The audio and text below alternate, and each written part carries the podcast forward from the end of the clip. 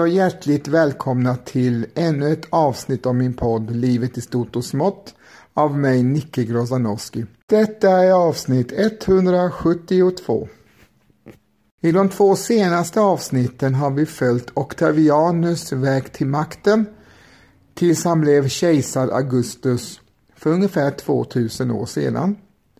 Och eh, i avsnitt två fick vi höra om hans kejsartid och nu det tredje och sista avsnittet om kejsar Augustus ska handla om hans betydelse för sin omvärld och för oss som lever alltså 2000 år senare. Augustus regering lade grunden för ett rike som varade i hundratals år till sin slutliga Roms fall.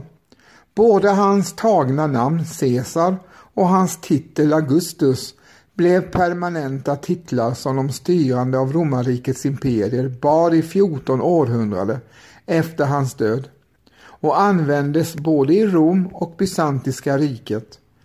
På många språk har Caesar blivit ordet för kejsare, så på tyska Kaiser och på bulgariska och senare ryska tsar. Kulten av Divus Augustus fortsatte som statsreligion i imperiet men förbjöds då kristendomen år 381 gjordes till statsreligion av Theodosius den förste. Av den anledningen finns flera utmärkta exemplar av statyer och byster på kejsaren. Han hade låtit skriva en sammanställning över sina framgångar, Res Gastae Divi Augusti, som inskrevs i brons framför hans mausoleum. Andra exemplar av texten inskrevs runt om i imperiet vid hans död. Inskriptionen i latin följs av en på grekiska och utfördes på många offentliga inrättningar som templet i Ankara, Monumentum Ancyranum, som kallats drottningen av alla inskriptioner av historikern Theodor Momens. Det finns några andra skrivna verk av Augustus som inte bevarats. Dit hör hans dikter Skilia, Efifanus och Ajax, en självbiografi i 13 böcker, en filosofisk avhandling och hans skrivna vederläggning av Brutus, Eologi av Cato.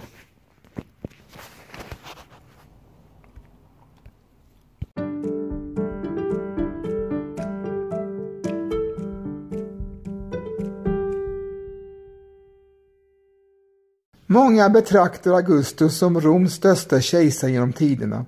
Säkert är att hans politik förlängde Roms livslängd och initierade den berömda Pax Romana, eller Pax Augusta. Han var en intelligent, beslutsam och klipsk politiker, men inte lika karismatisk som Julius Caesar och hamnade under påverkan av sin tredje hustru Livia, ibland till det sämre. Icke desto mindre blev hans betydelse varaktig. Staden Rom förändrades starkt under Augustus med Roms första institutionaliserade polis, brandkår och inrättande av kommunala prefekter som ämbeten. Polisen var indelad i grupper om 500 man medan brandkårens enheter i 500 till 1000 man styck med sju enheter över 14 distrikt i staden. En prefectus viglium eller prefekternas vakthållning sattes att ansvara över Viglies, Roms brandkår och polis. När inbördeskriget var över kunde Augustus upprätta en stående armé för romerska imperiet med 28 legioner om 170 000 soldater. Dessa understöddes av ett stort antal hjälptrupper om 500 man var ofta rekryterade från områden som nyligen erövrats. Med sitt finansiella ansvar för att upprätthålla väghållningen genom Italien installerade Augustus också ett officiellt kurirsystem med stationer som övervakades av en militärofficer som kallades Prefectus Vecilioclorum. Förutom att vägarna underlättade kommunikationen mellan Italiens städer gjorde de det lättare för arméerna att färdas snabbt genom landet. År 6 grundade Augustus Aranium Militare då han donerade 170 miljoner sestercier till en ny militärkassa som försåg både aktiva och pensionerade soldater med medel. Pax Romana betyder den romerska freden på latin och det är ett uttryck för den period av inre fred som rådde i romerska riket från Augustus till Marcus Aurelius, det vill säga 27 f.Kr. till 180 efter Fredsperioden varade således i 206 år. Detta tillstånd av lugn gällde dock endast inom riket Utåt utkämpade romarna ständiga gränskrig. Under denna tid blomstrade handeln tack vare att Rom hade kontroll över hela Medelhavet. Begreppet Pax Romana är hämtat från Plinus den yngre. Analogt har fredsperioder i andra områden av världen blivit kallade Pax Britannica, Pax Sinica, Pax Persica och Pax Americana. Pax Romana var Roms gyllene era då minskade arbetslösheten, ökade byggnadsverksamheten, stärktes handeln eftersom sjömännen vågade segla längre utan att behöva oroa sig för krig, fick Rom ett effektivare skattesystem, var valutan och måttenheten samma i hela romarriket. En av de mest livaktiga institutioner som Augustus grundade var Pretoriagardet år 27 f.Kr. Den var ursprungligen en personlig livvaktsstyrka på slagfältet som utvecklades till imperiets väktare, såväl som en betydelsefull politisk maktfaktor i Rom. De hade makten att sätta press på senaten, installera nya kejsare, avsätta dem de ogillade. Den siste kejsaren de tjänade var Maxentius innan Konstantin den store förbjöd dem tidigt under 300-talet och förstörde deras kaserner, Castra Pretoria.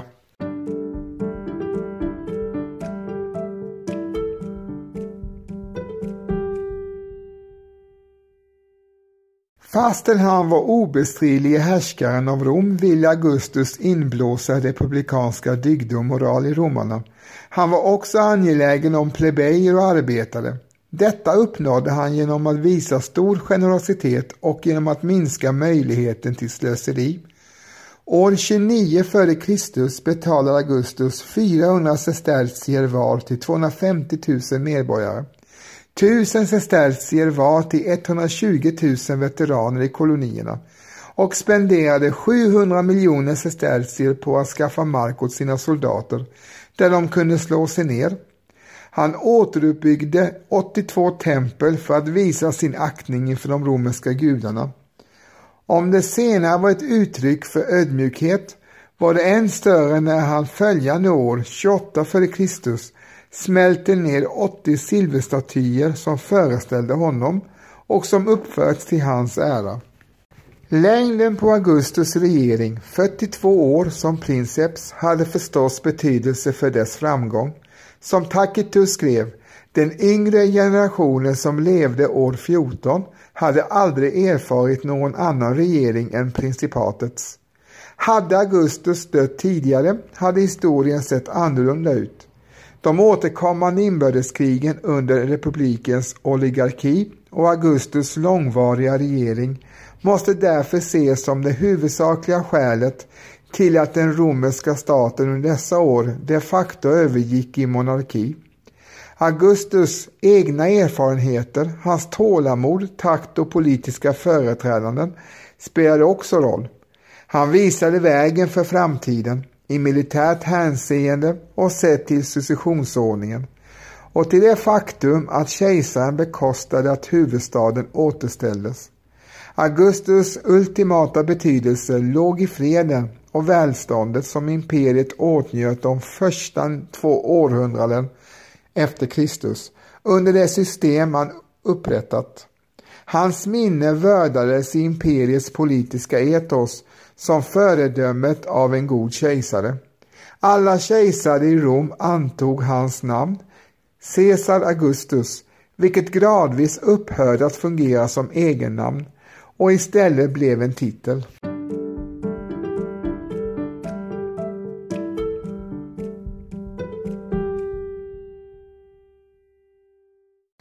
Augustus offentliga finansiella reformer fick ett stort inflytande på imperiets följande framgångar.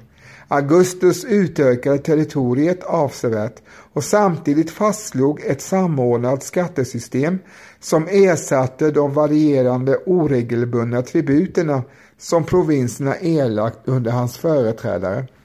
Denna reform ökade Roms inkomster, stabiliserade penningflödet och reglerade den finansiella relationen mellan Rom och provinserna.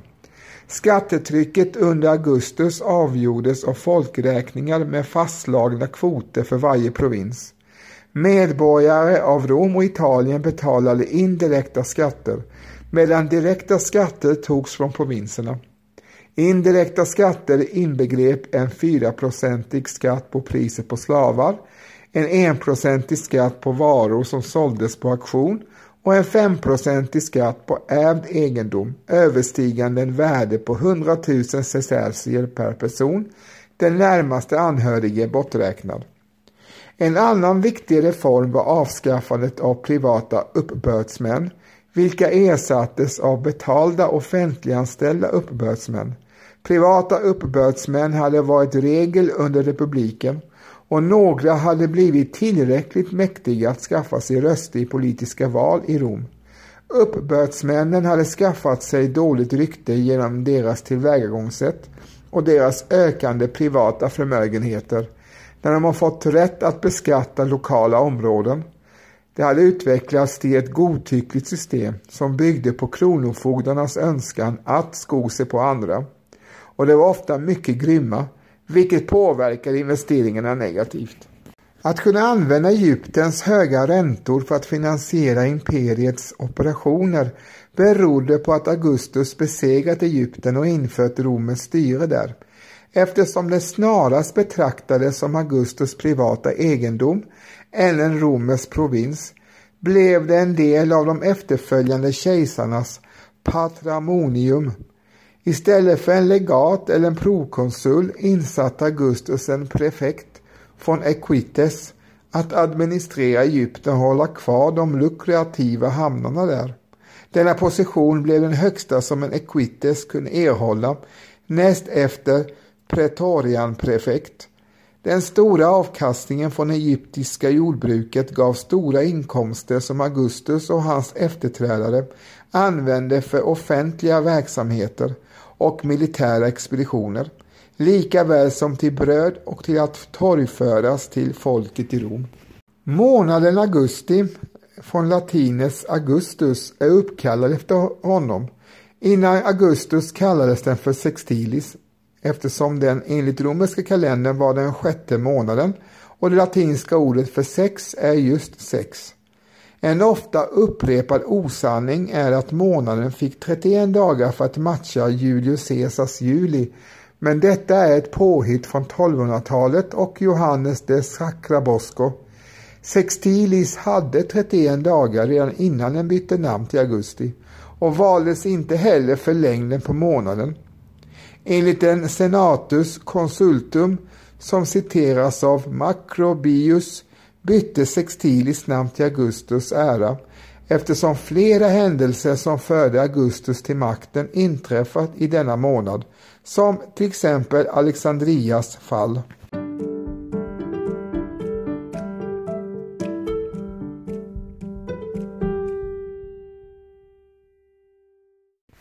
På sin dödsbädd utropar Augustus enligt legenden citat jag fann Rom i gyttja och jag har lämnat den i marmor. Slutcitat. Men fastän det finns viss bokstavlig sanning i detta så tillägger Diocasius att detta var en metafor för imperiets styrka. Marmor fanns nämligen i byggnader före Augustus tid, men det var inte ofta använt som byggmaterial före hans regering. Detta gäller inte slummen i Suburra som var lika eldhärjat och nedslitet som vanligt.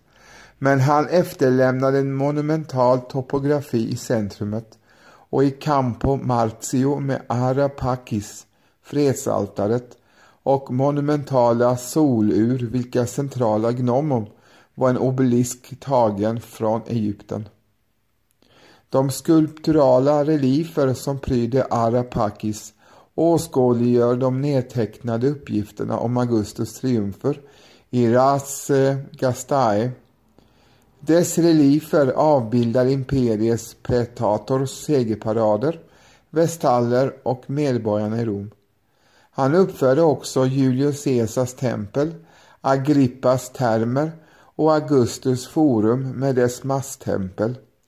Andra projekt, antagligen uppmuntrade av honom, som Lucius Cornelius Balbus teater och Agrippas uppförda Pantheon, eller bekostades av honom i andrans namn, ofta släktingar, som Octavias portik, Marcellusteatern. Även Augustus mausoleum byggdes före hans död för att hysa släktmedlemmar. För att fira segern vid slaget vid Akitum byggde Augustus triumfbåge år 29 f.Kr. nära ingången till Castor och Pollux tempel och den utvidgades år 19 f.Kr. för att inrymma en trippelbåge. Det finns åtskilliga byggnader utanför Rom som bär Augustus namn eller uppförts till hans ära, som Meridas teater i Merida i dagens Spanien, Maison Carré i Nimes i dagens Frankrike, liksom Tropeaum Alpium Villa Turbie nära Monaco. Efter att Agrippa dött 12 f.Kr. var problemet hur Roms vattenförsörjning skulle tillgodoses tvunget att lösas.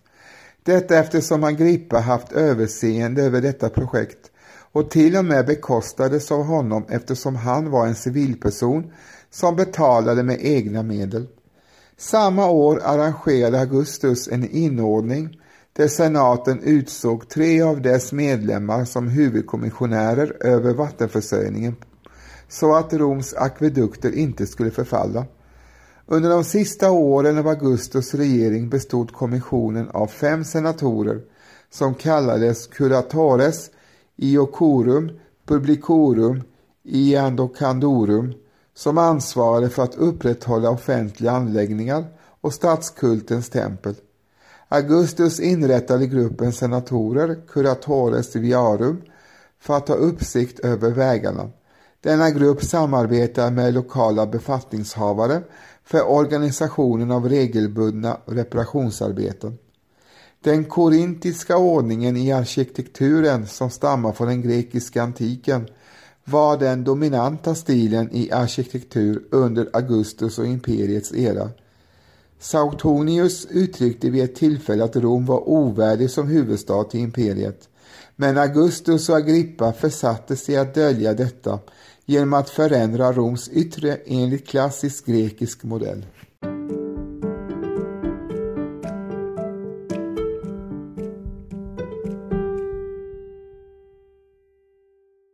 Detta var alltså den tredje och sista delen i min miniserie om kejsar Augustus eller alias Octavianus som han hette innan.